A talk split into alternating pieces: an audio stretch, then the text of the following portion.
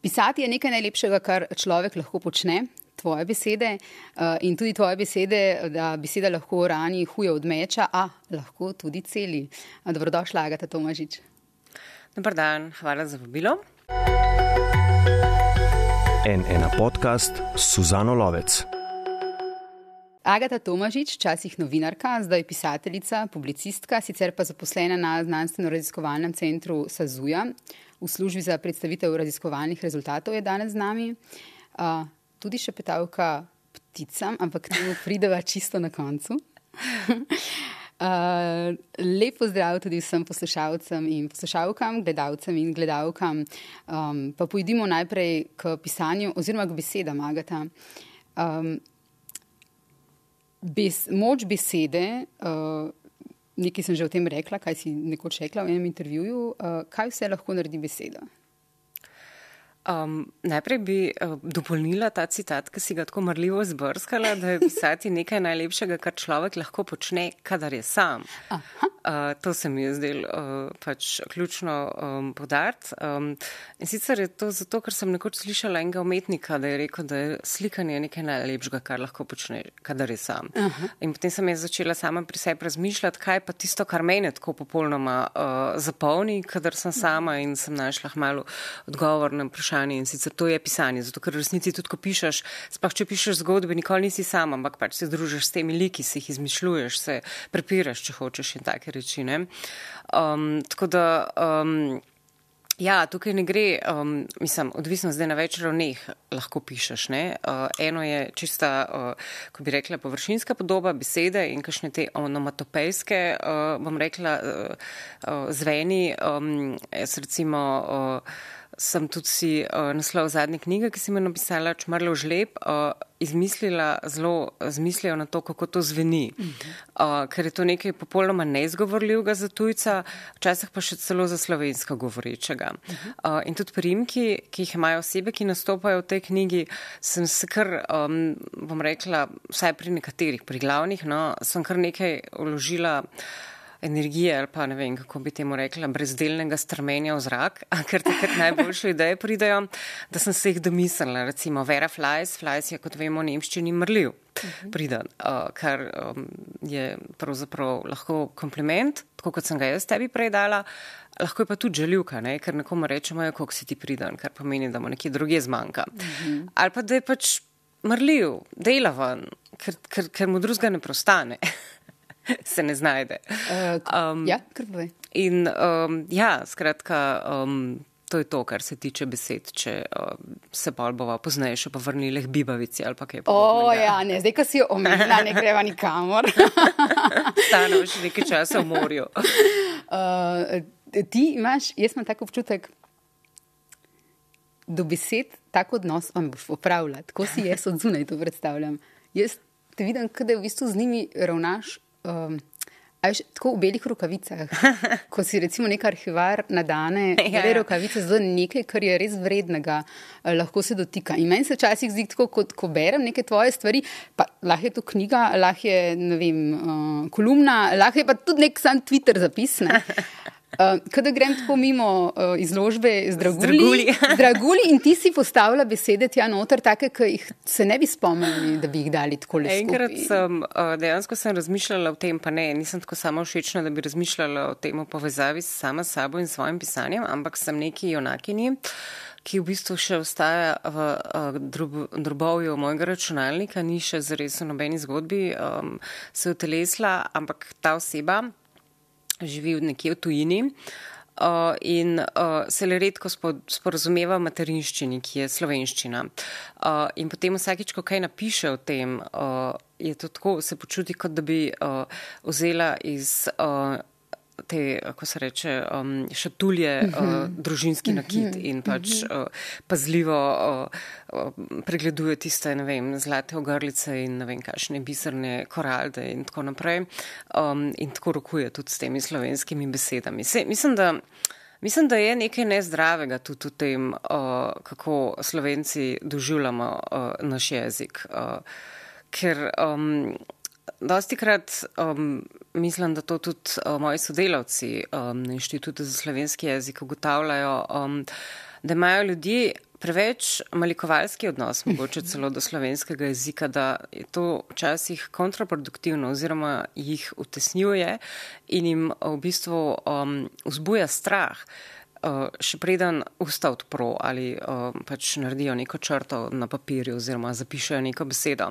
Tega se treba znebiti. Ne? Jezik je pač urodi, jezik je popolnoma neutralen, jezik je tisto, kar mi hočemo, da je. In um, z jezikom se pa lahko tudi igraš. Zato je pisanje tako zabavno upravilo. Uh mhm. -huh. Ne samo zato, zato ker pač lahko z besedami in stavki pri, pri, pri, pričaraš uh, like in to spet ta druga razsežnost. Uh, bibavica je ena od besed, mislim, da si nekoč napisala, da je to najlepša slovenska beseda. Ja, ni krasna. Ja. Mislim, Katere pa še imaš, recimo, v naboru, v tem uh, jagodnem izboru, v tem. Uh, draguljarni eh, v izložbi. E, mislim, da to zdaj ni draguljarno, to je kar za, za vsakodnevno uporabo, ker res kar razmetavam z njimi, ampak meni brž čas mi je zelo všeč. Okay, yeah. um, in žal ne, ne, ne izgovarjam tako pogosto, kot kar napišem. No. Um, nekaj, od teh, ne, mislim, nekaj od teh besed tudi. Um, Ne vem, verjetno se bo kdo spomnil še časa, ko um, se SMS je pisalo tako, da uh, se pač to uh, 140 znakov je bilo vse, kar je bilo na voljo. Ne? In če si to prekoračil, ti je operater zaračunal dva SMS-a. In v tem trenutku, oziroma v teh letih, sem se zelo izmojstrila, da sem poiskala najkrajši možen izraz. Ne? Vse tudi pri časopisu je podobno, ko pač tiste naslove potem krajšaš in daljšaš. Ne? Ampak, ampak to ni, uh, bom rekla, to je kar pomembno. No? Mislim pač v tem trenutku pa globlje zakopljaš v jezik in začneš tudi to razsežnost gledati, kvantitativno, bom rekla, ne samo kvalitativno. Uh, ja, brščas je recimo krajša kot najverjetneje.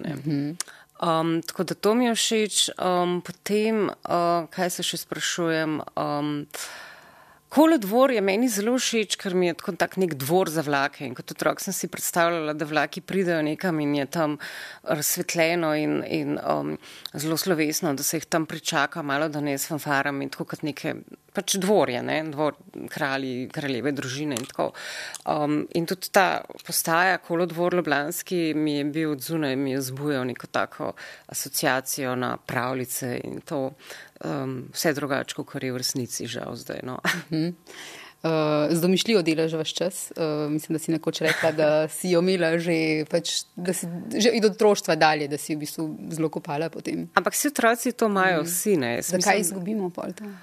Ja, ne vem. Um, Večina ljudi, verjetno. Ja, no, vse jaz tudi nisem, zdaj se zdaj uh, poskušam zadrževati. Mislim, so trenutki, ko ti domišlja prav pride in včasih tudi, ko, se, ko si želiš, da ne bi uh, mm. pomislil, kaj vse se lahko zgodi. Ne? Ampak večinoma je to kar prijetno. Uh, in tudi pri večini ljudi uh, se to, se mi zdi, da ponovno zbuditi. Sej, um, če se kdaj na kakšni zabavi ali pa kakšne srečanje začneš hecati s kom in potem zelo hitro ljudje dojamejo, da vendarle ni vse tako črno-belo in ni vse tako enodimenzionalno, da če pogledajo za stvari, marsikaj vidijo. Ne? In recimo tako kot na tem ekranu, tukaj, ki piše Liliput, jaz si marsikaj mislim, da to vidim. A vidiš, ti si edini eh, po moj gost, ki je tole opazil. A veš, o tem govorim. Ampak to je ta profesionalna deformacija, ja. to je zato, ker vse preberemo. Uh -huh. um, Skratka, tvoje življenje, zdaj pre, pre, prešli bomo počasi knjigam, ampak je res prepleteno z besedami. Ja. Uh, kako pomembno je torej za te beseda pa izražanje? Kako je to problem? Uh, jaz sem med tistimi, ki rada verjamem, da je to tudi uh, ne samo neka kaprica oziroma neka umetniški izraz moj, uh, ampak da je to tudi v bistvu čist uh, praktična vrednost. Uh -huh. Uh, In uh, se mi zdi, da če dobro obesediš neko zahtevo ali ne vem, karkoli, uh, da lahko tudi imaš kaj od tega. Um, dosti krat je tako, da je to seveda odvisno od naslovnika, ampak mislim, da ravno zato je tudi branje knjig dobro na več nivojih, ne samo zato, da se ljudje naučijo empatije, da so bolj strpni in da so bolj manj krutni, okrut, okrutni in tako mhm. naprej, ampak tudi zato, da znajo formulirati neko zgodbo. Govorimo o tem čist uh, klasični ekovski strukturi. Zaplet, razplet, junaka gre in tako naprej. Um, pač svet je sestavljen iz zgodb. In uh, zdaj to res v tem pravem pomenu govorim, ne o tem pomenu, ki ga oglaševalci uh, tako po nemarnem uporabljajo in kaj jaz kar uh, pikce dobim od groze. Zgodba o, ne vem, vse stavili bomo zgodbo, mislim, zgodba o uspehu je tako že uveljavljena besedna zveza, ampak kakšne take bedaste, no, skratka. Ja, ne, zgodba resnici je uh, termin, ki ima pač svoje zakonitosti. Uh, in če ti si domišljam, zdaj bo to pač skrajen primer napišeš nek mail, ne vem, kaj pa vem, um, nekomu, ki je odgovoren za ne vem, nekaj na občini in ti poskušaš nekaj doseči. In če spišeš ta mail skladno z zakonitostmi, nagovor, začetek, zbudiš pozornost, poskušaš se nekaj čustvi igrati, ne vem, bodi si, da jih navdušiš, bodi si, da zastrašiš človeka, ne vem, karkoli, pa je to meni, obrodi nek sad. Uh -huh. In jaz tudi recimo v tem svojem vsakodnevnem delu, ne samo v tem večernem šihtu, ko začnem pisati knjige, ne, tudi ko pišem maile, ko pišem maile novinarjem, uh mhm. -huh. ki so pač izobraženi in doj, uh mhm. -huh. dojemljivi naslovniki za vse te čare zgodb in, in, in izmišljavanja. Um, mislim na to in um, si domišljam, da mi kar pogosto uspe. Uh mhm. -huh. Da so v bistvu maili PR-ovcev in so maili PR-ovcev. ja, so, so tudi osebni maili PR-ovcev. No. Mislim, tudi doskrat se mi zdi, da več, uh, več haska ima, če nekomu pišeš osebno, pa niti ni nujno, da ga poznaš, včasih je še to lepše. Se tudi jaz, če dobim od koga mail, ki me ne pozna, pa vendarle mi piše, se mi zdi to nekaj zelo ljudnega in zagotovo bolj. Um, bolj ljudno, kot če me kdo kliče. Mhm. Ta tvoj uh, sedanji uh, job, torej day job, uh, to, kar, kjer si redno zaposlena, kot čimer si kruh služim. Ja. Čimer si kruh služiš, ne, je torej um, na ZRC Sazuju, ne, v službi za predstavitev raziskovalnih rezultatov. Uh, kako je delati z raziskovalci in znanstveniki? Krasno. Krasno. Ja, pač to so razumni ljudje. no, mislim, uh, vedno je v vsakem kolektivu so ljudje, s katerimi se bolj ali manj uh, ujameš, um, ampak se ni potrebno, da si najboljši prijatelj z nekom, da sodeluješ poslovno. Se so pač neke profesionalni odnosi z enimi, z enim drugimi, se pa pač imam več um, skupnih točk in. Um, ne vem, se pač bolj družimo tudi mogoče izven delovnega časa. Uh mhm. -huh. Če se vrnemo nazaj na pisanje, zdaj e, zelo je aktualna e, tema umetna inteligenca. E, kakšna bo vloga ali pa je vloga umetne inteligence pri pisanju? Kje te vidiš? Ja, to je zaplet zdaj... v zgodbi. ja, zaplet je. Um, takoj na začetku, ampak v resnici, uh, no, to je seveda vprašanje za milijon dolarjev, na katerega nimam odgovora, sicer ne bi sedela tukaj, ne, ampak bi sedela nekje druge in bi ljudje poslušali moje besede, ne kot, neko, ne kot um, ja, bi bili v bistvu res to kot suho zlato, mhm. če se povrnemo k tej metafori z draguli. Uh, ne, uh, zdaj treba za Sloven, mislim, če se pogovarjamo o slovenskem uh, prostoru, ne, um, pač vemo, da v, v um, angliško govorečem svetu In ne v svetu literature, predvsem uh, je zdaj v bistvu v svetu filma, ne, ta nekako se začel je ta uvodni zaplet. Ne? Mhm. Kot vemo, so pač uh, scenaristi stavkajo in temu, njim so se pridružili solidarnostno tudi igralci. Uh, gre pa za to, da je v bistvu, kot jaz razumem in tudi sicer mislim, da tako je, no, uh, je pač uh, scenaristika, pisanje uh, scenarijev je veliko bolj timsko delo, kot je uh, pisateljevanje. Ampak temu se bom še povrnila, ker je tudi glede tega v situacija v Sloveniji specifična. Uh, tako da zdaj na našo srečo ali pa na njihovo nesrečo uh, je pri scenaristika tako, da dejansko lahko nekatere, nekatere faze pisanja scenarijev opravi neka umetna inteligenca oziroma nek program, ki ima dovolj inputa oziroma dovolj znanja, da pač to, bom rekla, sprocesira na najboljši možen način in brez, brez človeških napak. Ne. Um, in uh, gre seveda za prihranke, jasno se je, to je vedno v zadju tega, ne, pohlep pravzaprav, sploh pri filmskih študijih, mislim, da zaslužki niso zanemljivega pomena. Uh, je bil pa eden simpatičnejših prizorov, ki sem jih ozrla v medijih na to temo, da je bil nek scenarist. Mislim, zdaj, ko rečem scenarist, mislim pač nekoga, ki je to po poklicu, ki ni tisti, verjetno, na, ki bi bil podpisan na filmski špici. Ne? Tam je pač čudo enih imen, ki za, ljudi, za katerimi sploh ne vemo. Ne? Um, no, in glavno ta scenarist je imel, um, je imel uh, transparent um, z uh, besedami. Um, artificial intelligence has no childhood traumas. to je pač ta, uh, ta krilatica zabavna, da tudi v bistvu vsi pisatelji se iz teh uh, otroških travm rodijo in se pač iz tega napajajo potem celo svoje stvarjalne življenje. Uh, kar se pa tiče pisanja, no, je pa tako, da um, v slovenščini oziroma v slovenskem prostoru mislim, da je tukaj mal drugačna situacija, ker je pisateljevanje res zelo samotarsko delo in samotno uh, in uh, samostojno in individualistično. In to, uh, tega ne govorim samo, um, to govorim kar malo v bistvu z prizvokom grajanja tudi, um, ker se mi zdi, da um, pač urednik na založbi, jaz, jaz imam glede tega dobre izkušnje, um, to lahko kar takoj povem. Uh, in sodelujem z uredniki in urednicami uh, in cenem njihove pripombe, ki so vse vedno uh, tehtne, ali pa tudi, če se mi prvi trenutek ne zdijo, malo razmislim o tem in je pač to nek feedback, ki si ga pisati želi.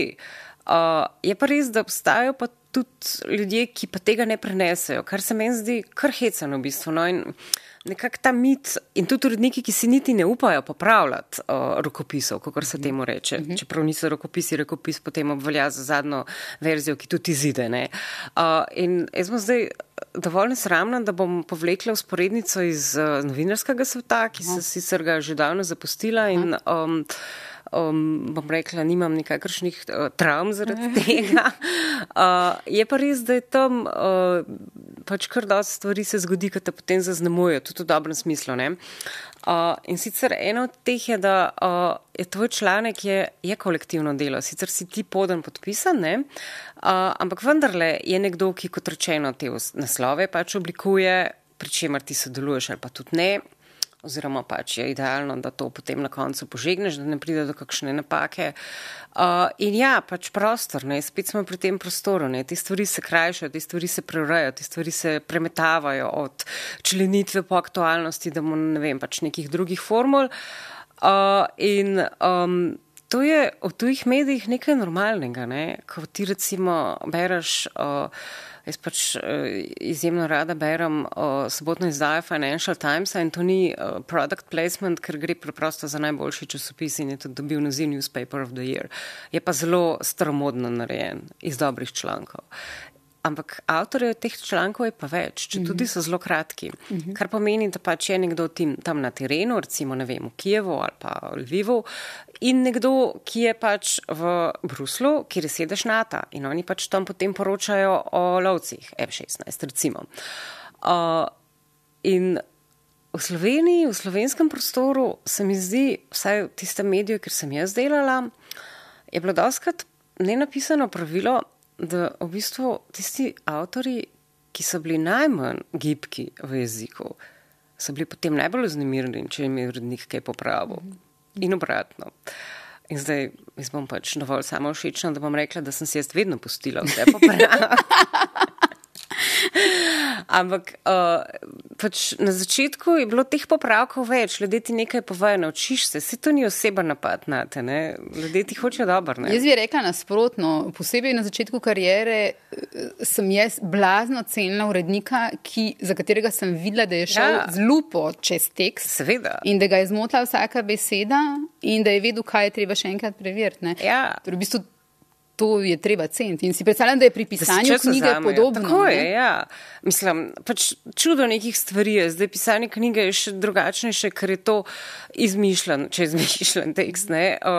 In potem, potem ti nehote, ne vem, junako v prvem poglavju pripišeš, da stanuje v drugem nadstropju, dokodar se pospne v lahnem drncu, recim potem v naslednjem uh, pač poglavju pa kar naenkrat v sedmem nadstropju uh, in uh, da tja pa um, gre vedno z dvigalom, ker nikamor nikoli ne gre peš. Mhm. Recimo, ne, govorim o tem, ker pač. Uh, In zato je urednik. No.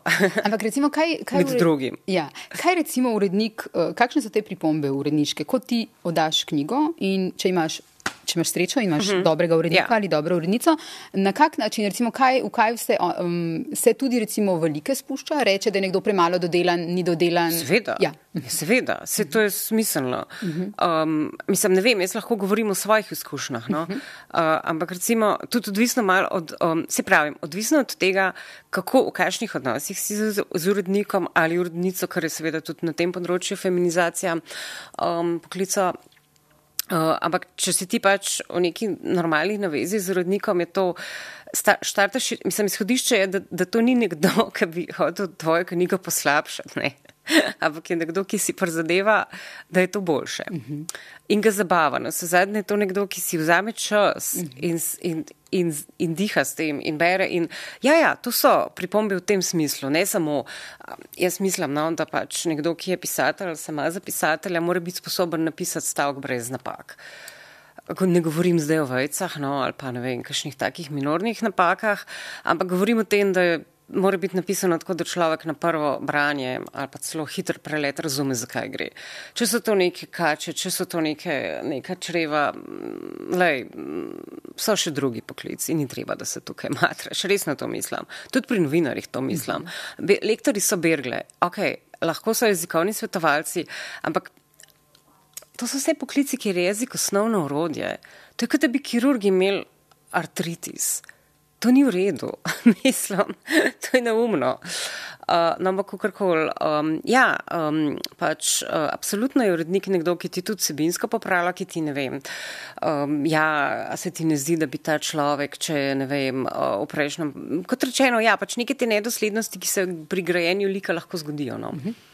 In tudi, ne vem, recimo, konec je prehiter, konec je del seks mahina, zakaj potem posegaš, zakaj ne bi to boljše. Te, te pripombe se lahko, jaz sem pač pri svojem zadnjem urodniku, um, recimo, Andrej Hočevar je to nabil, da povem, je, so bile sjajne, so se oba smejale, tudi on mislim, da se je kar smejal, ko je, ko je bral in potem. Sva debatirala, jaz sem se ponekod strinjala, ponekod se nisem, oziroma sem mu pač povedala, zakaj se mi ne zdi in potem je, se to je. To je namenno. Mhm. Da je tudi timsko delo, ne, kot praviš. Mislim, je timsko delo, pod katerim si ti podpisan. Uh, govorim pa zdaj, hočem pa pravzaprav tudi, uh, zato smo pač do sem smo prišli iz te umetne inteligence, ne? ker recimo v slovenskem prostoru uh, je vendarle še vedno je samo pač pisatelj tisti, ne?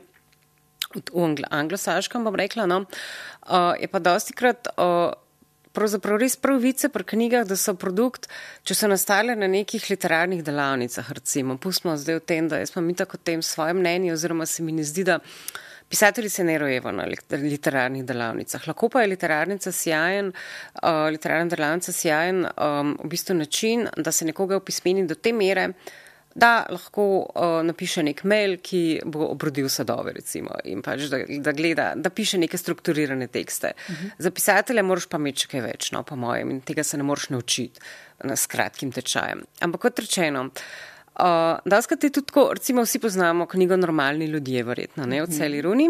In verjetno poznamo tudi zgodbo za tem, ne. In če je kdo kdaj vzel knjigo v roke, tako kot jo jemljamo profesionalci, je zadaj dolg, dolg dve strani, ne vem kaj je to, niti ni kolofon, ampak dve strani zahvalsta, ne.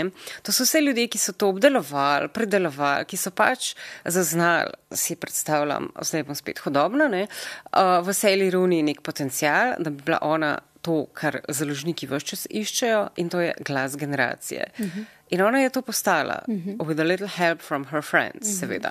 To pomeni, da so pač se ljudje potrudili in si predstavljam, da so ji tudi sugerirali. In to je zdaj spet na avtorju, a sprejme to ali ne.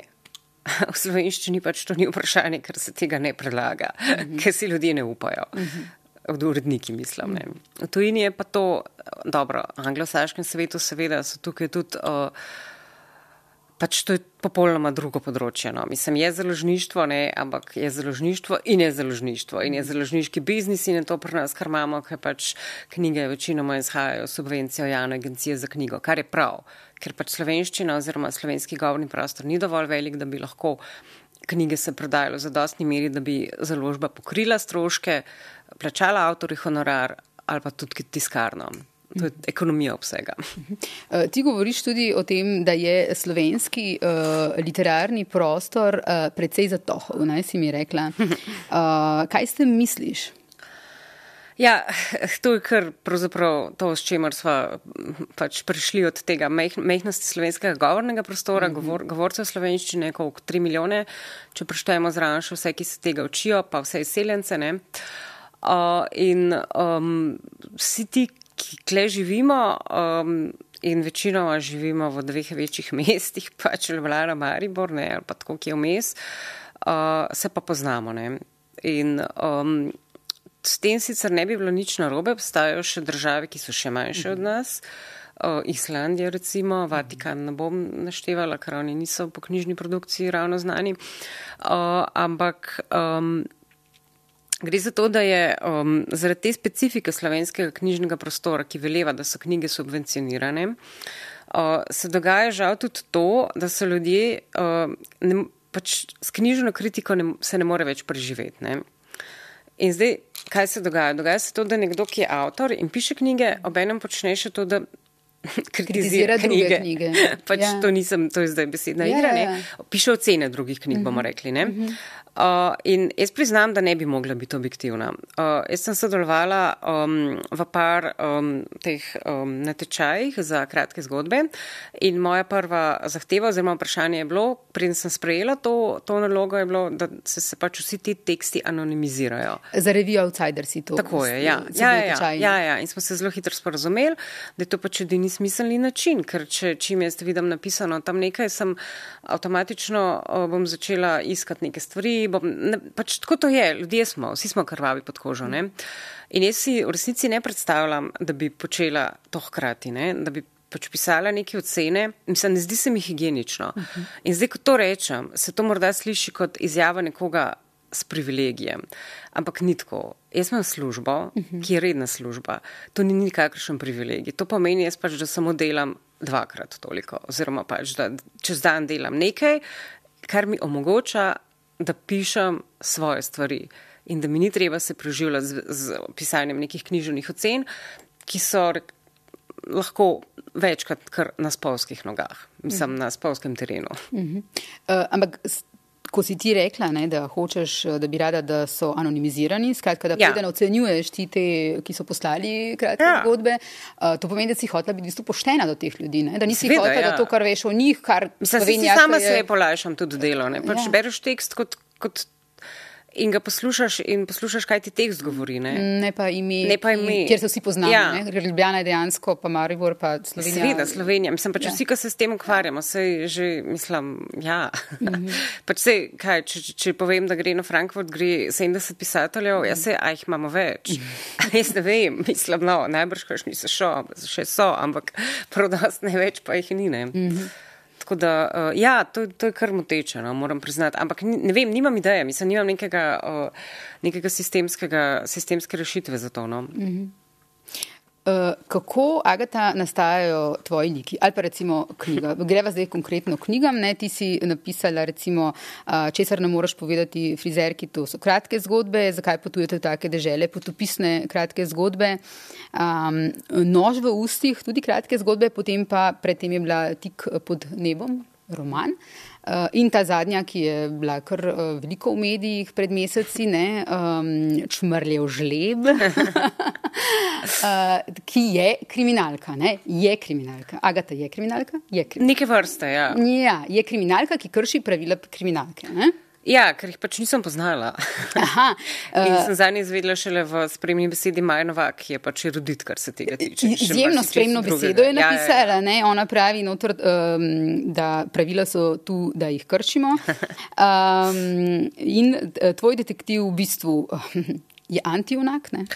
Ja, popoln. Ja, ja. In tudi. Um, ne vem, če, če zdaj um, mogoče lahko razkrijem, da um, v resnici sem si ta lik zamislila um, šele pol, malo pozneje. Se mislim, da on se šele v drugem ali tretjem poglavju pojavi. Pozno pride in zelo mal ga je. On pa pozno pride, pa zgodaj gre, ne. To so te, ki delajo v javni upravi, ne.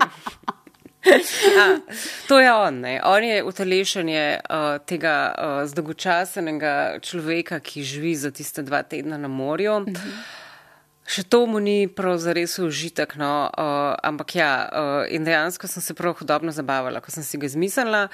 ker je res brezupen primer. Uh, in potem se je zgodilo to, in še naknadno sem ga otaknila. Pravzaprav, ja, ko sem pisala, ker pač ja, to lahko počneš, ne mislim, lahko naknadno, ne vem, utakneš lik v, v, v poglavje in potem pač se pojavlja. Oziroma, ampak se on dejansko zelo, zelo, on je tam nekje v zadju kot. Nek revaš v tej semišjakni, ki nima denarja za parkirišče, nima denarja za nič. Skratka, ja. In ki v tem, da se je zgodil tam. Um nek umor oziroma nek zločin, uh, vidi priložnost, da za bo lahko uh, zastopal ja, seveda, pa smučal. Ja, da bo služba plača pač pot do tja, ker ta, ta strmčnik je vendarle kar delež, to je še naprej od Bohinja, gre službenim avtom, mogoče celo, ka najbrž na svojem nima zimskih gum in tako naprej, skratka, ja. Mhm. No, glavnem. Uh, in uh, potem se je pa zgodilo nekaj nevrjetnega in to je res to, o čemer govorijo, da um, ti kot avtor nimaš vpliva na svojo knjigo, oziroma, ko knjiga izide, pač liki zaživijo po svoje in takrat je prepozno no, kar si okay. hotel z njimi narediti, da se jih lahko discipliniral, bi lahko naredil preden izide. No, okay. In zgodilo se je pa to, ja. da sem od več ljudi nepovezanih izvedla.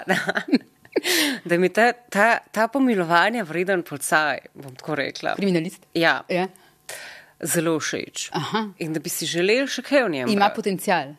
Ja, potem sem se dejansko odločila in tudi deloma že izpeljala, oziroma zdaj to počnem, da bom v drugi knjigi, ki bo zadnja na to temo, uh, dala več uh, prostora njemu, kar ne pomeni, da bo uh, kaj bolj uh, občudovanje vreden, v bistvu bo bolj kot ne samo še nadaljevanje anatomije njegovega osebnega propada. Pravzaprav. Uh, in uh, ker preprosto ne bo imel možnosti, no, ker bo soočen z nekim drugim likom, ki bo tako, uh, tako uh, bom rekla, superioren, da ne bo imel možnosti za boj niti mal. Mm -hmm. in, še manj možnosti kot tukaj. Ja, še manj možnosti kot z Vera Flies, ki je že itak. Ga postavlja na svojem. Ja. Uh, in v bistvu, ja, v tem, v tem drugem romanu se bom pa poigravala z, um, v bistvu z malo s tem konceptom družbenih slojev, ki me zadnje čase zelo zaposluje. Mhm. O pomenu, da Slovenija v resnici se mi zdi meni egalitarna in brezrazredna družba in da samo nekdo, ki ni nikdar pokukal niti mal, niti na televizijo, da bi videl, kaj se drugod dogaja, um, lahko trdi, da je kle dejansko, da smo zacementirani, ker to je pač neumnost trditi. No. Da smo v primerjavi primerjavi z drugimi deli sveta. Ne, ja, ja, ja. Uh, še vedno. Mislim, to je pač ta dediščina socializma, ki jo mm -hmm. imamo, poleg tega, da smo mhm. ženske zaposlene in da je to mm -hmm. edina logična pot uh, v življenju, ne, da ostaneš doma in da vem, skrbiš za uh, naraščaj in moža, pač se tudi samo realiziraš, tudi karjerno. Ne. Da se lahko tudi oboje, seveda. Ja, ja. Da se lahko, da potencial obstaja. Ja, ja. ja, no, recimo pri grajenju teh likov, a si ti najprej zamisliš, če sva pri črnlevem žlebu, najprej zgodbo, kako bo šla in kaj uh -huh. se mhm. bo zgodilo, ali si najprej zamisliš te like? Odvisno. Uh -huh. Včasih, mislim, se to zdaj ni nobena skrivnost. Jaz, um, pač ti liki so vsi izgrajeni iz nekih gradnikov, uh -huh. likov, ki, so, ki v resnici obstajajo. Uh -huh. Nikoli se pa ne lotevam tega, da bi, pač, da, da bi iz resničnosti predstavljal nek neka oseba uživa v celoti v knjigo in to se mi zdi brez veze. To bi se počutila opeharjena v bistvu mm -hmm. za ta mik ustvarjanja in izmišljevanja. In, um, če hočeš reči, fragmenti obstajajo, fragmenti realne. Obstajajo, Recimo, ja. vem, da si že rekla, da veliko bereš črno kroniko, da so neke stvari, ja, ki jih včasih tam.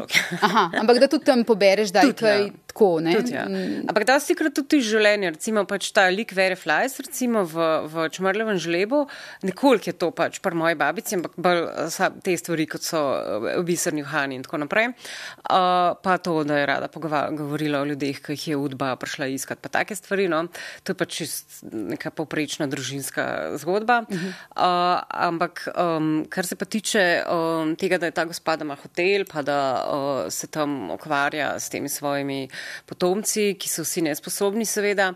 Um, sem se mi pa ta ideja porodila, uh, ko sem smučala v Avstriji in je bil tam nek družinski hotelček in vrsto let smo tja hodili. Uh, dejansko je, bila, uh, je bilo tam nenavadno, ker so bile res same ženske, vse so imeli ženske v rokah. Jaz ne vem, kaj so s tistimi moškimi naredili, najbrž so jih požrle, kot bogomolke, jaz ne vem.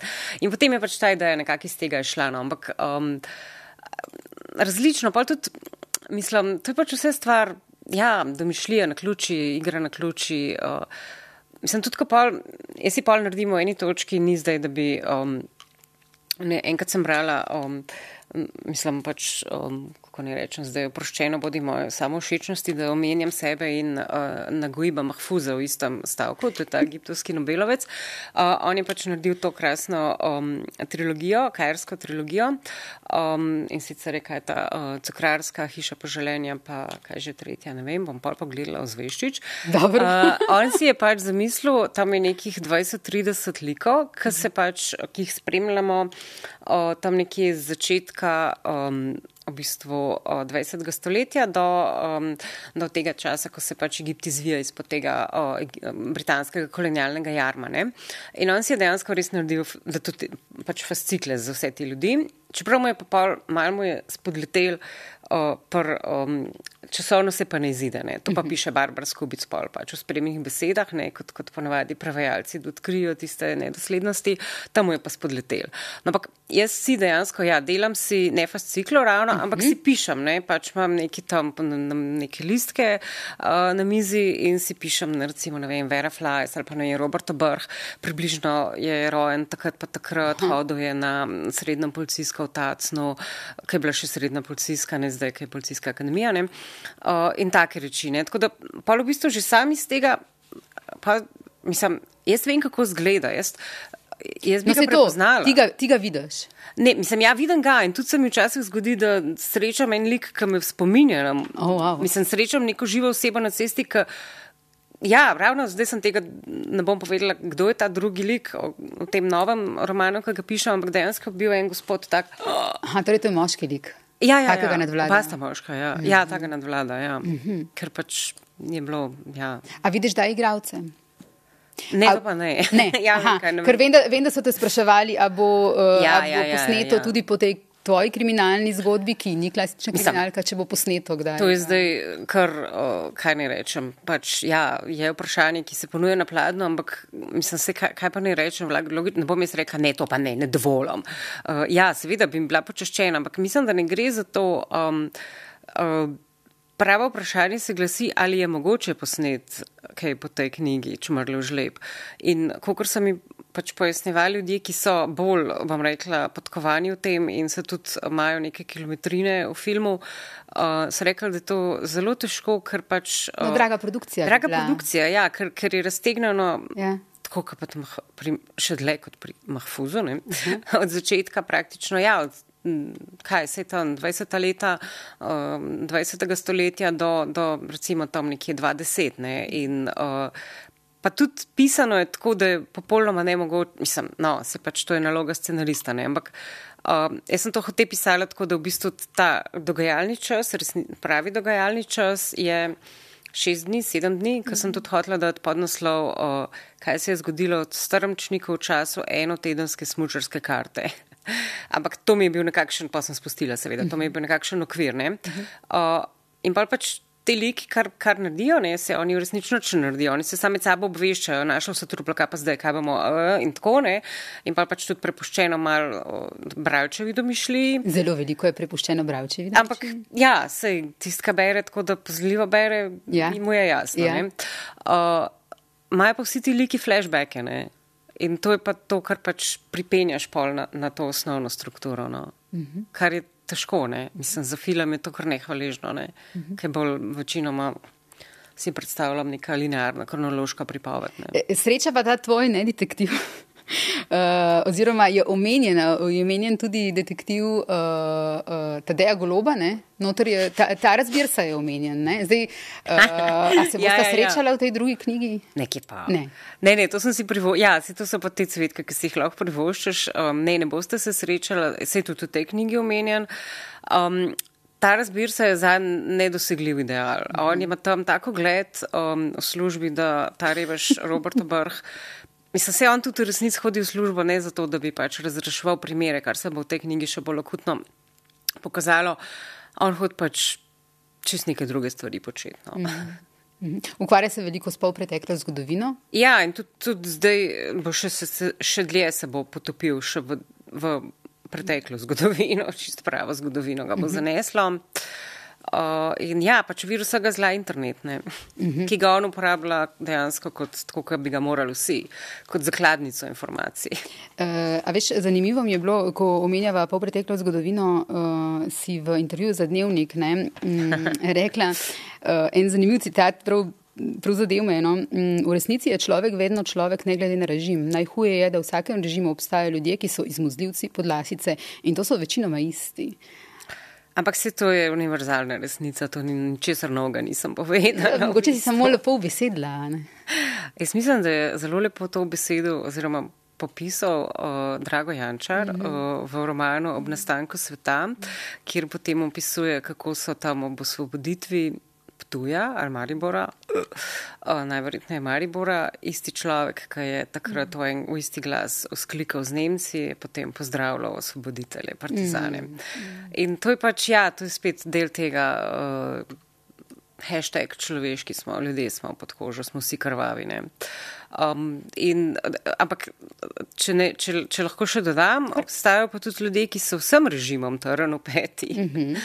In uh, te pa so tisti, ki jim gre vse moje spoštovanje. Eden takih likov je recimo Angela Vode, uh -huh. uh, ki je res tragičen lik, ampak je uh, gospa, ki uh, je dejansko bila. Uh, protokomunistka, pač v zgodnem času, ko je bilo to še preganjeno, je bila takrat tudi v zaporu in potem vemo, kaj se je zgodilo. V, v, potem je šlo pač kot ponovadi, dosti krat za neke osebne zamere.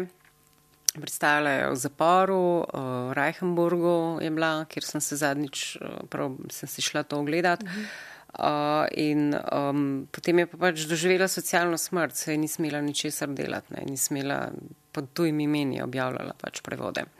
Ljudje, ki se ne uklonijo. Torej. Ja, mislim, se ne vem, kaj je to pač um, njej naredilo, ne, živela je kar dolgo, ne, kot vemo, do 80-ih pol. Uh, Um, namreč, um, zakaj to razlagam? Zato, ker se v bistvu spogledujem z idejo, da bi boh ne da ne v njenem življenju pisala knjigo, to bi se mi zdelo preveč ambiciozno, uh, ampak o nekem drugem liku, o neki drugi ženski, ki je tudi resnično živela in je upravljala splave. In je to, ta njena obrt, bom rekla, uh, je bila v vseh režimih preganjena. In uh, govorimo pač o tem predvojnem, pa povojnem. Uh, Obenem je bila pa v vseh režimih uh, ena taka zaupnica ženskam. Ker je pač, mislim, se je to večno vprašanje tega splava, se to ni zdaj, da bi uh, ženske se kar zahit za to odločale, ampak pač dobro premislijo in potem, če tega ne morejo, če tega ne morejo po legalni poti, uh, urediti zatečejo k takim osebam, mm -hmm. kot je bil ta gospa, ki. Um, Ki bi jaz rada, o kateri bi jaz rada napisala nek roman, ko, ko se. Um, Odlično. Tako da, ja bomo z veseljem čakali. Uh, v oddaji Razgled in razmisle, ki si leta 2020 rekla, um, da si bolj vizualen tip um, in si bolj te svoje opise, o katerih govorite tam, um, uh, si primerjala z uh, potezami Čopiča. Uh, kot otrok si tudi rada risala. Uh, praviš, tam uh, sem zelo gostobesedna, a včasih je treba kaj tudi izpustiti. Kako se odločaš, uh, Agata, uh, kaj potem izpustiš? Ko um, rišeš te Dovolj časa mm -hmm. mora miniti, da uh, se svežimi očmi zapeljem po tekstu. Vse veš, mm -hmm. kako je to, ko pač če se eno in isto bereš, tudi napake spregledaš, ne? ker se pač zaradi te čudovite lastnosti človeških možganov sestajajo vse besede v smiselno celoto, tudi če črke niso uh, pač pravilno razporejene. Uh, ja, zato pač pisanje knjig ni delo, pri katerem ne smeš hiteti, oziroma se ne bi smel. No. In um, ko uh, pač ti moraš to brati kot naivni bralec. Ne? ne, in če vidiš, da nala, ne, ne, daj, nalagaš, ne, brišeš in pač zbrišeš. Ne. Uh, to je po mojem edini način. No, pa seveda urednik potem to tudi naredi. Uh, detki in babice so zakladnice zgodb. Um, Da si jih rada uh, poslušala že v otroštvu, prej si nekaj že omenila svojo babico. Mm. Uh, starci so super, rečeš v tej oddaji, uh, pogosto so prezrti v naši družbi, ampak pri tebi pa imajo v bistvu vse te stare osebe in plasti, in so dobri, in so slabi, niso enodimenzionalni. To je v bistvu nek način boj proti starizmu, ne, ki ga je naša družba polna. Da jih narediš Take, kot so, kot so življenje v realnem življenju. Ja, Pričemer se meni zdi v bistvu, uh, ne, starci so super, ja, ljudje. Mislim, vsi bomo starci, tako kot smo vsi bili otroci. To je nesmiselno se pač ja. pritoževati na tem, da so dojenčki hrupni ali pa otroci, uh, ne vem, uh, kričijo, ker pač vsi smo to počeli. No. Če pa nismo, pa narobe neki z nami bilo, oziroma pač tistimi, ki niso. Mhm. Uh, in um, ja, pri, pri starejših a smo lahko smo politično nekorektni, pa govorijo o starcih. Pri starcih je, uh, je meni super to, oziroma se mi zdi posebej krivično do njih to, da so, doskrat se pojavljajo liki starcev, ki so samo dobri in blagohotni. Mm -hmm. In to je enako slabo, kot če se jih riše kot samo hodobne. Seveda. Pač vsega so zmožni. Sej eh, veliko ljudi na stare leta postane zločincev. Mm -hmm. uh, in se mi zdi to super. Mislim, ne, da se mi zdi super, ampak pač zdi se mi. Uh, Prav, da se tudi v literaturi tudi na ta ja. način obravnava kot, ja, ja. kot ja, kot osebe. Ne? In dejansko sem, um, sem, o tem sem začela razmišljati, ko sem um, nekoč bila um, v Trstu, mhm. kamor sicer tudi večkrat grem, kam je zelo všeč. Uh, in tudi uh, sorodstvo, mislim pač korenino, korenine moje segajo tja. Uh, In pač trst je mesto starih, kot vemo, ne? ker je zaradi primer tega podnebja krasnega zelo veliko ljudi se tja preseli tudi potem uh, in pač živijo od teh um, ko se reče, imajo neke sklade, večinoma nekako imajo pač te pasivne dohodke in potem uh, v Italiji je to bolj, uh, bom rekla, bilo uh, nekako um, se je dal to narediti in potem se pospravijo tja. In logično, kaj se dogaja v Italiji, ne, no pa še marsikje druge, pri nas še ne, ampak tudi uh, oni se potem najamajo neke negovalke iz Filipinov, iz Romunije in to badante. Ne. Uh, In res pač um, zapazam nekega dne, zelo je bilo separno na tej postaji openskega tramvaja. Enega gospoda, ki je bil res popolnoma preperev že, uh, pač res kot mumija imel tisto belo, belo kožo napeto čez štrleča lica in bil je res videti že zelo star. In z njim je bila neka negovalka, ki je bila popolnoma neobčutljiva. kar pač najbrž moraš biti, da lahko to delo upravljaš. Uh, niti tega ni opazila, da je on uh, kinkno, je glavo mu je omahnila in je bil čist zverižen, res, kot tist uh, preperila guma. In potem sem jaz ga gledala in se mi je smilo in potem kar naenkrat v enem trenutku sem začela razmišljati, da kaj pa je njegova zgodba življenjska. In, mm -hmm. pač, no, najverjetneje tudi kot obrambni mehanizem in se je ta gospod smilo. Ne? Ampak sem si rekla, kaj pa če je on eden izmed tistih, ki so delovali v rižarni ki je bilo pač to nam najbližje, mislim, to tam znano taborišče. Uh, fašistično oziroma celo dispečerski center, ne, oziroma ne, prav imeli so to peč.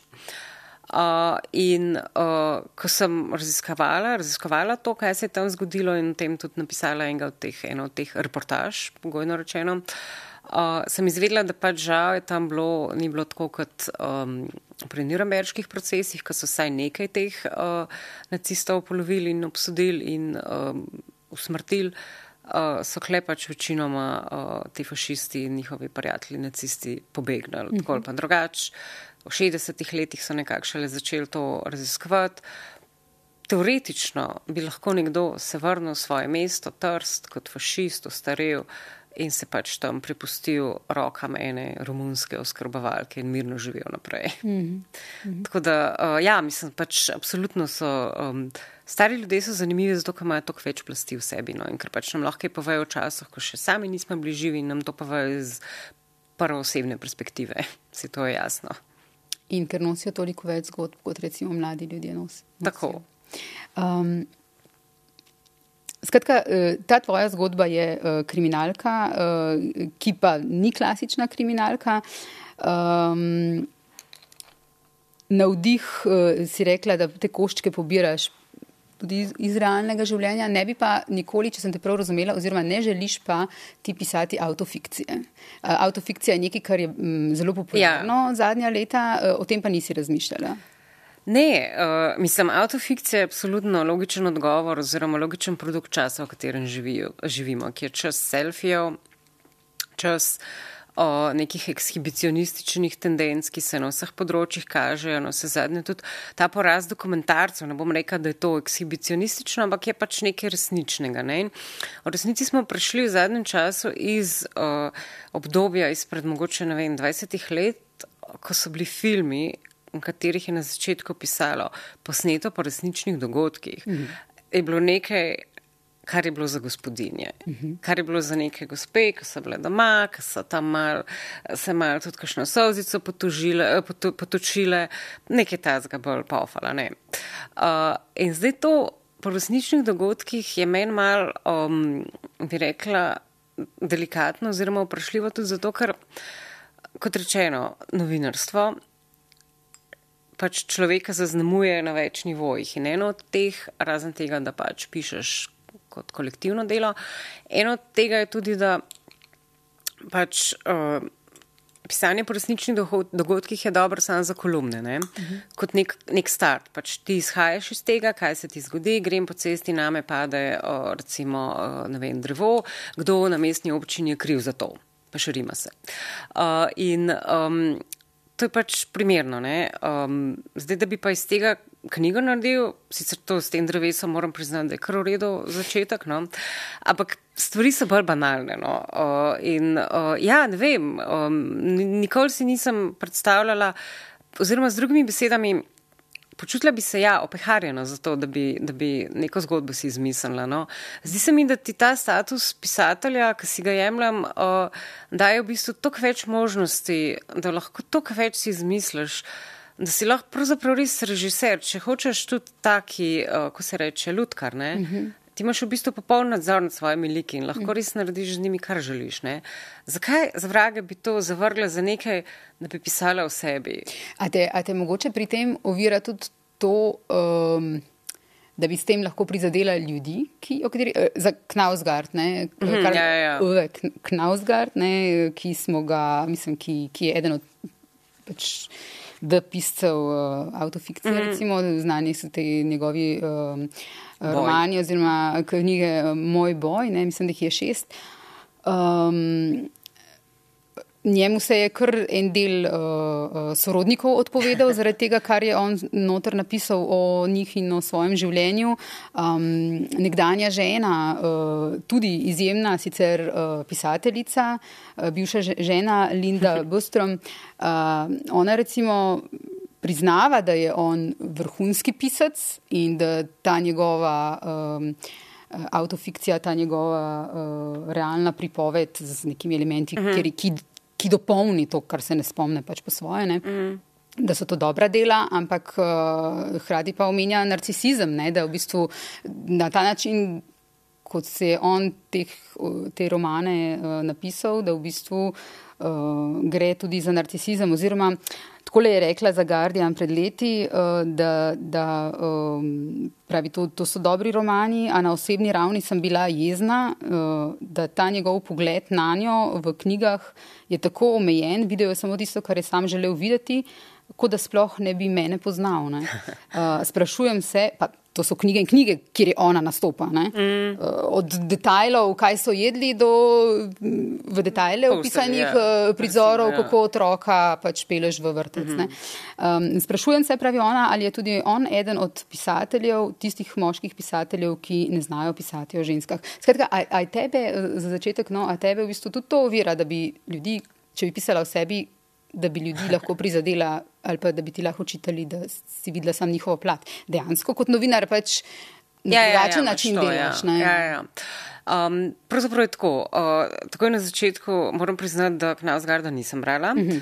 uh, brala sem Debora Levi, uh -huh. uh, ki se mi zdi kot zbirka dobrih kolumn, uh -huh. dobro napisanih in duhovitih. Uh -huh. um, Ampak, ok, se ona še druge stvari pisala. Brala sem nekaj klavrnih, moram reči, slovenskih poskusov. Uh, uh, ki se mi zdijo tudi niti zbirka kolumn, ampak dobro uh, in mogoče mal, bi morala malo več uh, pogledati. Uh, Povdarjam še enkrat, uh, da je dobršen del literature zgrajen iz elementov, ki so bili resnični, mm -hmm. ampak pri avtofikciji me pa moti to, da gre za dejansko kronološki posnetek ali pa ne vem. Veliko krat je res tako, da, da si nič ne zmislijo. Uh, ampak uh, ne, ne gre za to. Jaz preprosto ne, nimam svojega življenja za tako zanimivega, uh, da, bi, da, bi ga, da bi se razgaljala. Ne čutim te potrebe. In tudi um, ta pripomba, da uh, so se vsi skregali, vse to je znana stvar. Ne? To je uh, rekel uh, tale, um, kaj že, Buda iz predmestja.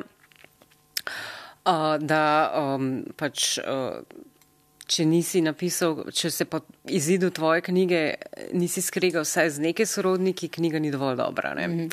uh, ampak uh, ne, mislim, je tudi res, da um, ne čutim potrebe, da bi se kregala. Nisem zelo konfliktna osebnost. Um, Najbrž je ta gospod ima neke druge vzgibe v sebi oziroma je pač se odločil za to pot. Uh, Mogoče ima tudi kaj opraviti s tem, da je moški s tem, ali pa ne vem.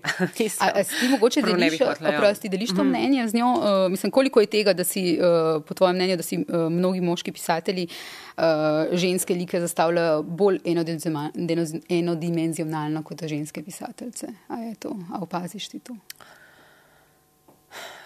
Ne. Ne. Mislim, da ni pravila. Mislim, da, da ni pravila. Odvisno je čisto od pisatelja do ja. pisateljice in pač. Um, Mislim, nesporno je, da smo tako pisateljice kot pisatelji uh, egocentrični, mm -hmm.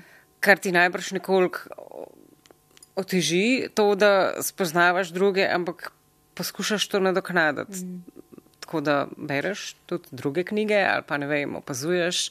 Jaz recimo zelo rada opazujem o, ljudi, o, ne da bi vedela, kaj se pogovarjajo. Uh -huh. In o, ta dinamika ljudi, ne vem, na klopi recimo ali pa za mizo ali pa tako uh -huh. naprej. Ne? In poskušaš ugotoviti malo in, in, in poskušaš to dinamiko o, odnosov o, rekonstruirati. O, treba je znati gledati. Uh -huh. To je zelo pomembno za vsakega pisatelja, se mi zdi. O, ampak Če pa pišeš avtofikcijo, ja, ti pa tega ni treba, tako da še ta, še ta razsežnost umanka. In, um, ne vem, mislim, se v resnici pač v najboljši veri je to storil, zdaj najverjetneje gnalo ga je najvrš to. Te, to. To je dobro, si vedno vprašanje zastaviti. Um, Zakaj pišem? Tako, urednica Jelka Ciglenečki mi je enkrat dala zelo dragocen svet. Um, ne ravno, ja, zakaj pišem, točno to, ampak um, zakaj ne pišem? um, ne, ne, ona je rekla, uh, vsakič se vprašaj, kaj bi rada povedala s tem. Mm -hmm. In to je res. Mm -hmm. Zdaj, če, če si ti želiš doseči to, da, um, da si slaven, pa to absolutno ni prava pot, ker je tudi preveč dolga in preveč vijugava in je bolj, da postaneš vplivneš na Instagramu. Jaz v oklepaju bi tukaj rekla, da jaz sem, bila, uh, jaz sem brala Knaus Garda mm. pred leti uh, in bila očarana. Mislim, mm. tudi zdaj, po moje, če bi ga šla spet brati, se mi zdi, da izjemno dobro zapiše, da neke fragmente, ki so tako, ki bi bili meni. Fragment nekega, neke delec neke misli, pa ne bi niti znala dobro obesediti. On ne samo, da je v besedi, on še cel sistem okrog nje naredi. Uh, tako, tle se mi zdi. Če moramo vzeti to v roke in si popraviti okus. Ja. Ampak, ko sem brala uh, intervjuje z njegovo nekdanjo ženo, ne, Aha, ja. uh, se mi je v bistvu tako vse zavrtelo ne, in sem videla v bistvu tisto, kar ni bilo napisano, kar ima ona v glavi ne, in kar, kar recimo z ja. perspektive ni, ni prišlo. Ven, Temu se reče, da ne smeš mešati avtorja pa dela. Mm. In to je to, ja. česar v Sloveniji ne moramo. Uh, ne, ma hotel sem te vprašati, ko si to brala, a si kdaj imela, jaz pa pač pri tem, kar sem jaz brala, avtofikcijskega, no, v slovenščini, uh, sem imela dosti krat občutek te o, zadrege iz druge roke. Mene so obhajali podobni občutki, kada bi ne povabljena začela brati neke zapiske, o, ki jih je pač avtor ali pa avtorica po navodilu psihoterapeuta pisal. Mm -hmm. Jaz ne bi smela tega videti. Meni se je tako zdelo, da sem nekam nepovabljena šla ali pa da sem, ne vem, o, nekomu odprla vrata na javnem stranišču in je nekdo noter. Oh, Ne, nočem. Ne, jaz sem večkrat imela občutek, recimo, uh, ojoj, kaj, a njegov brat tudi tako videl, ker, recimo, ko opisuje iz otroštva. Ne, ne on napiše. Ja, ali pa, uh, ampak to, ta odnos ali pa ženo, ne, sem pa šele, ko sem v bistvu intervjuje z njo uh, brala, sem se začela sprašvati, uh, kako bi bilo, če bi ona na enak način napisala. V bistvu, no, pa ni, ne, dele, ja, ona ja. piše fikcijo. Ja. Uh, piše tudi o sebi, ne, uh, o, o, ampak očitno odnos do drugih ljudi drugače fura v teh mm. knjigah. Mislim, meni se zdelo res um, pri teh, um, tudi v bistvu, um, pač, ko nekdo izda neko tako delo, no, uh, o katerem se tako razgalja do te mere, da je to že res lahko, uh, ko bi rekla, nelagodje povzroča. Se pa res vprašam, kakšni ljudje potem posegajo. Ne? In si ne morem, ne morem najti drugega odgovora, kot da so to ljudje, uh, ki so tudi sami v neki stiski in potem iščejo potruditev, da gre drugim enako slabo ali pa še slabše kot njim. Mm. Kar v bistvu iz teh autofikcijskih knjig ne dela nič drugega kot neke nove knjige za samo pomoč. Mm -hmm. No, Knausgarda je vseeno priporočam. Point taken. No, pač bom poštevala na svet. Ja, z, s tem, s tem uh, kar vemo, v bistvu, kar je ona povedala, oziroma na kar se ona potem nanaša. Ampak to bom poznaj brala. Tako, tako. Um, če se lahko vrnem malo k novinarstvu, zelo na kratko. To, tvoja prejšnja karijera, skratka, bila si novinarka uh, dela in ta pogled nazaj. Um, Pred kratkim, sem, ko sem se pripravljala na ta intervju, eh, sem prebrala, kaj si rekla uh, o novinarstvu. Sem da vidim, opatla je. Uh, in me je zelo zabavalo, ker si rekla, da si bila, uh, ko se je ta karijera novinarska končala ne, in ko si šla v drugo kariero, torej reden job na ZRCSU uh -huh. in pa uh, nočno ja, pisanje ja. ne, uh, knjig. Uh, vesela sem bila, da sem se znebila te prisile v novinarstvu. Dosti krat se namreč pogovarjali z ljudmi, ki so dolgočasni, ki ne samo, da nimajo kaj povedati, ampak tega niti ne znajo ali pa celo govorijo stvari, ki so napačne. To me je vedno tako jezilo. Obenem si kot novinar zavezan k resnici ljubnosti in moraš napisati vse, kar si slišal. Uh, in praviš, da si po svojem prestopu, uh, si potem iz neke objestnosti si dala duška kot otrok, ki najprej se yeah. 20 let mori, da ne sme skakati po lužah in ti si zdaj ta otrok in lahko se. Ja, jaz sem pol pisala, uh, ja, ja, ja, pač ja, literatura pa si lahko zmišljaš, ampak ne. Um, Klešlo bolj zato, da pač ti kot novinar uh, si poslan, mislim, si poslan, pač moraš iti se pogovarjati kar k nekim ljudem, ki um, pač delajo neke poklice in so neki inšpektori ali pa neki neki, česar ne počnejo za res žarom ne? in temu primerno tudi govorijo o tem. Ne? In še sploh je to razmerje, ti prideš tja kot novinar iskat neke, neke ko bi rekla, odgovore na javnost zanima, zakaj tega ne, uh, zakaj skrivate in tako naprej. In pa so oni ljudje bili tako čist nesrečni in to uh, o tem, pri, o takih stvarih govorim. Ne? Uh, in uh, je pač to zoprno, ne? to ni bilo nekaj, kar, kar, kar bi človek rad počel. Uh, in um, zaradi tega um, sem jaz pa doskrat naredila uh, ne samo, da ko sem prišla v redakcijo, sem pač spisala uh, nek tekst o tem, uh, kaj, kaj se dogaja ne vem kje. Uh, pa sem pa naredila še neko, uh, bom rekla, neuradno verzijo. Uh, tam je pa tako bilo, kot sem se jaz zamišljala, oziroma sem se norca delala mal pač iz vseh. Uh, in um, pač, mislim, jaz sem tako, glih zadnji sem se spomnila. Cela vrsta razlogov, zaradi katerih sem jaz to novinarstvo čisto narobe doživljala. Recimo, kaj se mi je dogajalo? Uh, to, da sem pač, ne vem, pisala o, kaj pa vem, kaj, recimo, ne vem, nek dogodek, ki se ciklično dogaja. Ne? Recimo, Ana desetnica, čimer, kar je super stvar. Uh -huh. Pač greš, uh, popišeš malo, tako lahko celo kot reportažno, uh, pogovori in tako naprej. In jaz to recimo grem, naredim, poletje je to blazno hvaležna tema, ne? ker ni drugih stvari in se pač to dogaja v mestu. Um, fotke, vse je super. In kaj se zgodi naslednje leto, meni piše PR-ovc spet to. Ne? In jaz sem to skoraj da kot želitev vzela. Če, zakaj bi pa še enkrat to počela? Če si to že vzela. Tako, yeah. Ja. kar je v bistvu norost. Novi, yeah. Zato jaz nikoli nisem bila zares dobra novinarka, oziroma jaz nikoli nisem imela nekega področja, ki bi ga pokrivala, mm -hmm. ker bi umrla do dolg časa. Ali pa da bi morala pisati, ne vem. Mislim, sej, ne vem, če se to zares do zavestno odloči, da boš pisal, ne vem, o pokojninski reformi, recimo. In vsako jutro ostaneš z mislijo, da boš pač šel na novinarsko konferenco in boš tam raziskoval o tem, kaj je novega na področju starosti, upokojitve. Ne vem, mislim, moraš biti res predan. No, jaz, ne, ne, ne, nikoli nisem bila za to. A se ti zdi v bistvu, mislim, da si nekje rekla, da ti je bila narejena usluga, da nisi več v, bistvu v tem ja, poklicu, da si se veliko bolj našla zdaj recimo v tem, kar počneš? Mislim, zdaj, res, zdaj delam, vse ravno to sem hodila povedati, zdaj delam z ljudmi, ki niso prisiljeni to početi, kar delajo. Oni pač res to počnejo z veseljem in žarom nekateri tudi.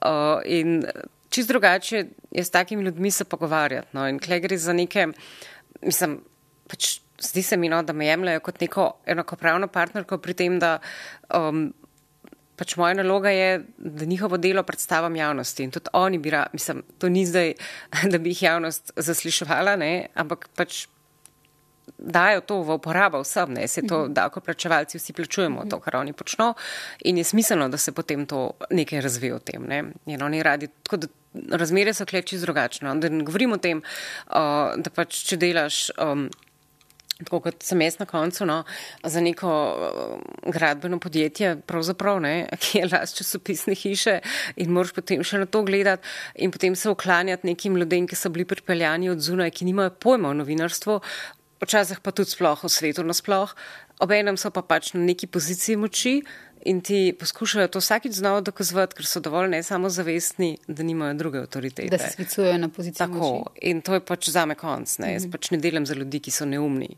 -hmm. To je pač moje pravilo v življenju. -hmm. um, knjiga uh, Tik pod nebom. Uh, si mislila na konkretne medijske ljudi, ki si jo pisala? Uh, Uh, mislim, kol, koliko ta knjiga, ta tvoj roman uh, odseva neko realno medijsko stanje. Tako, no, če, ali je tako, kot si prej rekla, da pač si vzela neke fragmente? Je logično, se mm -hmm. pač ni uh, kleje. Klej čist drugačne, klej pač so neki liki, ki so izmišljeni, ki so pač neki, neki, neki topos komunis, tudi kraje. Ja, gre za neko medijsko hišo, pravzaprav časopisno hišo, ki je kovala dobičke v 80-ih in v 90-ih in takrat bilo, so bile pač družbene razmere takšne, da se je to dalo, ljudje so bili temu primerno sproščeni in potem se je začel ta družbeni eksperiment, ko pač pride nekdo, poskuša rezati stroške in potem se pač panika razširi med ljudmi na ladji, ki ostajajo, ne?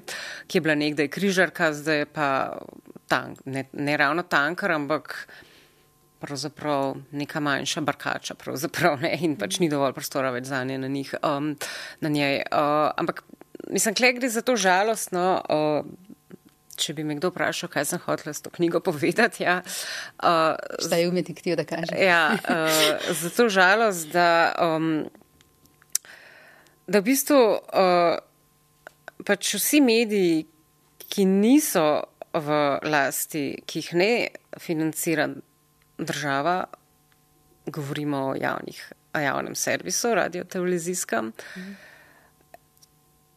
Dosti krat je treba brati to z neko um, ne skepso, ampak z znanjem, pač, da vidiš, da ločeš pač tisto, kar je, kar je res, pa kaj je mogoče objavljeno tam, zato ker je pač lastnik si to zaželel. Mhm. Uh, ne rečem, da ni tudi v 90-ih, pa v 80-ih treba bilo znati brati med vrsticami, celo trdim to. Uh, ampak zdaj je pač uh, to še toliko bolj očitno. In uh, žalost pri tem pa je da, je, da so mnogi mediji podvrženi temu diktatu branosti. Uh, poslušanosti, gledanosti, klikanosti. V bistvu vsi, vsi mediji so temu podvrženi, vprašanje ja, ne, sam... razen teh, ki so iz proračuna. Tako, tako. Ja. No, pa tudi oni na nek način. Na nek način je, ja. pa vprašanje, no. je pa vprašanje pri vseh medijih, uh, ali zna uredništvo prenesti. Krmariti med cilom in karibdo. Ja. Tako, ja, ja, tako, in na kak način to dela. Ja. In tudi, ja. ko govoriš o lastnikih, ne, so lastniki, ki se vmešavajo. So lastniki in so lastniki. In so lastniki, je, ja. ki se ne. Tako. In na dolgi rok je seveda vemo bolje, da se ne, ker pač, če začneš, ti, če začneš kredibilnost medija, izgubiš tako, vse. Tako. Ker to je edino, kar mediji ima. Tako, ja. ja. In ljudje so pa pač žal, lastniki so, eni so pametni, mm. drugi so pa bogati. Mm -hmm. um, Uh, igranje stereotipi, ti, mogoče, uh, če greva še na to, ne, ti je všeč. To si rekla pri uh, podkastu na MMC, podkast številke Slavko Jerič je bil nedavno tukaj moj gost in Aha, ga lepo ja, pozdravljam. Njemu si rekla to, da uh, ne, če se vrnem nazaj na ta uh, auto, autofikcijo, da pač ne uporabljaš autobiografskih uh, elementov, da ti je pa všeč to uh, igranje uh, stereotipi. Ampak jih na nek način bi jaz tako rekla. Na način, da jih razgradim. Ja, tako je. Ja, ja, ja. Ja, ja. Sveda, ne ja. na način, da jih ti pospešuješ, utrjuješ, ampak jih razgrajuješ. Ja, ravno, jaz si ravno ja. ta Robert Borh je primer mm -hmm. tega, kaj pač ni nek uh, kriminalist, mm -hmm. strum, strumne hoje mm -hmm. uh, s pištolo za pasom in ne vem, ostrega duha, ampak je pač nek revaš, ki je. Se znajo, dokler nekako po naključju. Uh -huh. uh, Agata Tomažič, zakaj si še petalka pticam? Povemo tako, ti imaš zelo rada ptice, o njih pišeš uh, ali pa jih omenjaš. Uh, te ptice dobijo uh, ob tem, ko jih ti omenjaš, uh, tako svoje življenje, osebnost, zgodbe. Ptice imajo osebnost. Ja. To je neizpodbitno. Uh, kje ste se našli ti, uh, ti s pticami? Si, si tudi sicer. Uh, uh, tudi že... sicer govorim s pticami. Ja. sicer govoriš s pticami. No, ne, gre povej, za. Um, pač, jaz sem odraščala v mestu, ne? jaz nikoli nisem. Um, imela tudi sorodnikov, nisem imela na deželi in ko sem prvič v življenju pri, ne vem, najbrž štirih letih videla kravo, uh, je bilo to zelo traumatična izkušnja za me, ker so me peljali pač v hlev, ker je bilo veliko teh krav uh, in uh, oni so v enem trenutku se vse zazrle vame s tistimi svojimi ogromnimi kravimi očmi in se naenkrat so začele mukati. Sem mislila, da bom glušila in da me bo glavo raznesel in, in, in to ni prijeten spomin. Uh, in um, pač edine živali, ki sem jih pa pred tem spoznavalo, so pa živali v mestih. Ne? In v mestih pa vemo, kje živali imamo na voljo. Imamo mrčes, s katerim se ne da pogovarjati, oziroma nočemo. Uh, pol imamo martinčke, ki so tudi simpatični, ampak ti prej, slejko prej uidejo, ker pač spustijo repne. Uh, pa imamo pa ptice ne? in um, oni so še daleč najbolj dojemljive za to, da jim ti še petaš ali pa mogoče tudi glasneje se z njimi sporozumevaš. No? Uh, in meni se zdi to sjajno. No? In, um, pač mesta, um, brez ptic ne bi bila mesta. Um, treba je pa tudi vedeti, da vse te ptice, ki so v mestih in ki jih imamo danes za v bistvu neke vrste nepovabljene goste, uh -huh. so prišle sem uh, zaradi nas, ljudi, ne? tako golobi, ki so pač prej bili, uh, ki so se prej ha, ha, hranili z um, pač. Uh, zrnjem na poljih na podeželju, so se začeli v srednjem veku nekako, so se mesta začela formirati, premikati z ljudmi, ker je bilo tam več hrane na voljo. Ne. Enako, enako vrane, srake, to so bile prej podeželske ptice ne, in so pač uh, lovile črve na zoranih nivah in podobno, ali pa na gnoju, ali pa tako nekako ne, in potem so v enem trenutku dojele, uh, da je v mestih boljš, ker se jim je treba manj truditi. Se sam postaviš ob cesto, počakaš, da avto povozi ježa in imaš večerjo, da ne rečem še zajtrk in kosilo za naslednji dan. Um, no, če bi pač verjeli teorijem zarote, da so vranje naknadno prepeljali, da iztrebijo golobe. Um, oziroma, moj pisateljski kolega Boris Kolar je v eni kratki zgodbi napisal eno čudovito, čudovit recept, kako se znebiti faraonk ravno s to se poigral, s to prehrambeno verigo živalsko. Ne, faraon se znebiš tako, da pripelješ, um, mislim, da žabe. Žab se znebiš tako, da pripelješ sokola selca. Sokola selca se znebiš tako, da pripelješ ne vem katero že žival v bloku. uh, in uh, kaj se pogovarjaš s pticami? Jaz jih predvsem poslušam. Okay. In um, kaj govorijo? Ja, uh -huh. um, ja, v zadnjem času oponašajo zvonjenje mobitelov. Predvsem škorci. Um, pred leti, pred nekaj leti ste pa s kolegicami izdali uh, Blodnik po Istri. Um, to je bil en tak hit, uh, to je uh, turistični vodnik, ki nikakor ni turistični vodnik, je vse prej kot to. Vse drugo. Um, same ste opisali, da se je to začelo na večerji s preveč vina in nadaljevalo kot eksperiment z obilico improviziranja. V bistvu je to, če prav razumem, šlo kot iz enega internega žovka, v, Ja. nastala je knjiga. Ne? Tako je, ja. Ja. Um, Menda, da ta, da ta trenutek naj bi se zgodil, uh, ta trenutek ideje v Červarju, ki so uh, Fužine v morju. Fužine vodi, ja. Ja, uh, v gostilni Ribarica, ne vem, če še obstaja, bila sem tudi Jaz ne. Jaz sem tudi jaz v tej gostilni že nekoč. Um, kako v bistvu, a se s temi uh, uh, ženskami še družite, ste kolegice, kako je v bistvu post te, te knjige, uh, ste, ki ste jo napisali skupaj? No? Ja, zanimivo na ključe je, je hotelo, da je ta um, blodnik nastajal leta 2019 uh, in um, potem v zadnjih um, mesecih leta 2019 se je to dogajalo, pač je šlo in je prodaja bila. Ne? In um, pa se pa pač, kot vemo, v letu 2020 se je pa svet zaprl in spremenil. Ne? In tako da takrat se je veliko stvari uh, um, spremenil, tudi te stiki prijateljski so se malo hladili, tako da um, je pa ostal spomin na eno res prijetno sodelovanje in um, tudi knjiga se mi zdi je čisto solidna in je bil sperim- eksperiment od vsega začetka, no?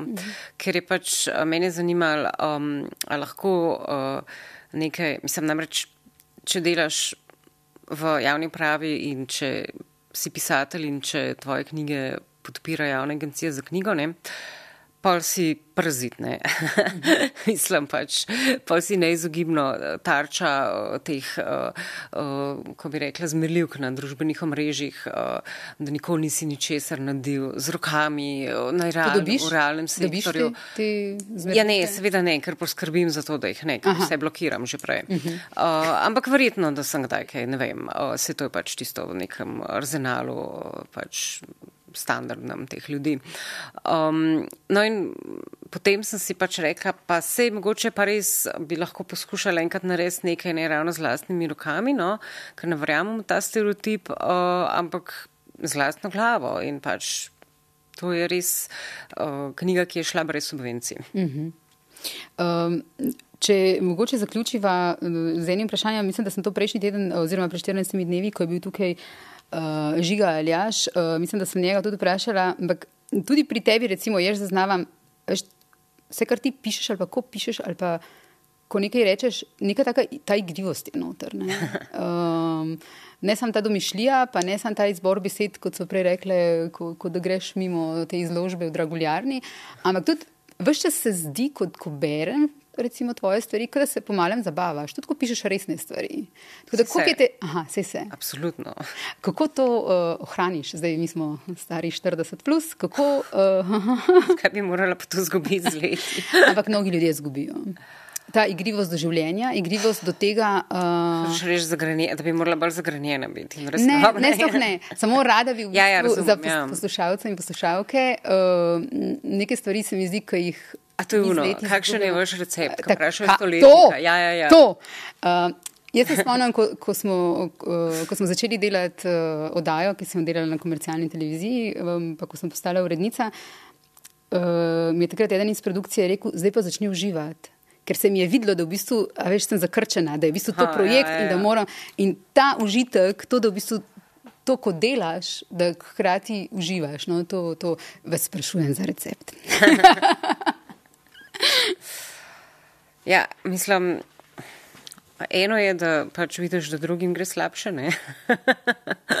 ampak to ni preveč dober recept. Um, drugo je pa, da v bistvu, mislim, vem, vsi v resnici, kaj nam pa manjka. Resno mislim, no, ne, se to ni rečeno zdaj, da uh, tudi moje življenje ni več čas samo neprestano smejanje, imam tudi trenutke, ko pač sem uh, bolj zaskrbljena in ko um, razmišljam o, um, o prihodnosti na negativen način, ne, da se samo veselim stvari, ampak ne vem, zakaj bi še o tem pisala, ne? ker to, o čemer pišeš, pa še dlje ustrajaš v tem in perpetuiraš in, in tudi drugim daješ. Ne? In zakaj bi, mislim, se tudi, če dobro dela delaš, če nekomu pomagaš, to dlje s tabo ostane, ker če nekoga res zafrkneš in ne vem. Uh, Kaj zvem, zelo putneš vrata pred njim in mu onemogočaš, ali pa ne vem kaj. Okay. Še veliko igrivosti še naprej. Agata Tomažič, hvala, ker si bila moja gostja, hvala, ker si prišla na NN. Najlepša hvala za vabilo, za ta uh, prijeten igriv pogovor in um, z veseljem. Hvala tudi poslušalkam in poslušalcem, gledalkam in gledalcem. Z nami je danes torej Agata Tomažič, pisateljica in kmalo se spet vidimo in slišimo.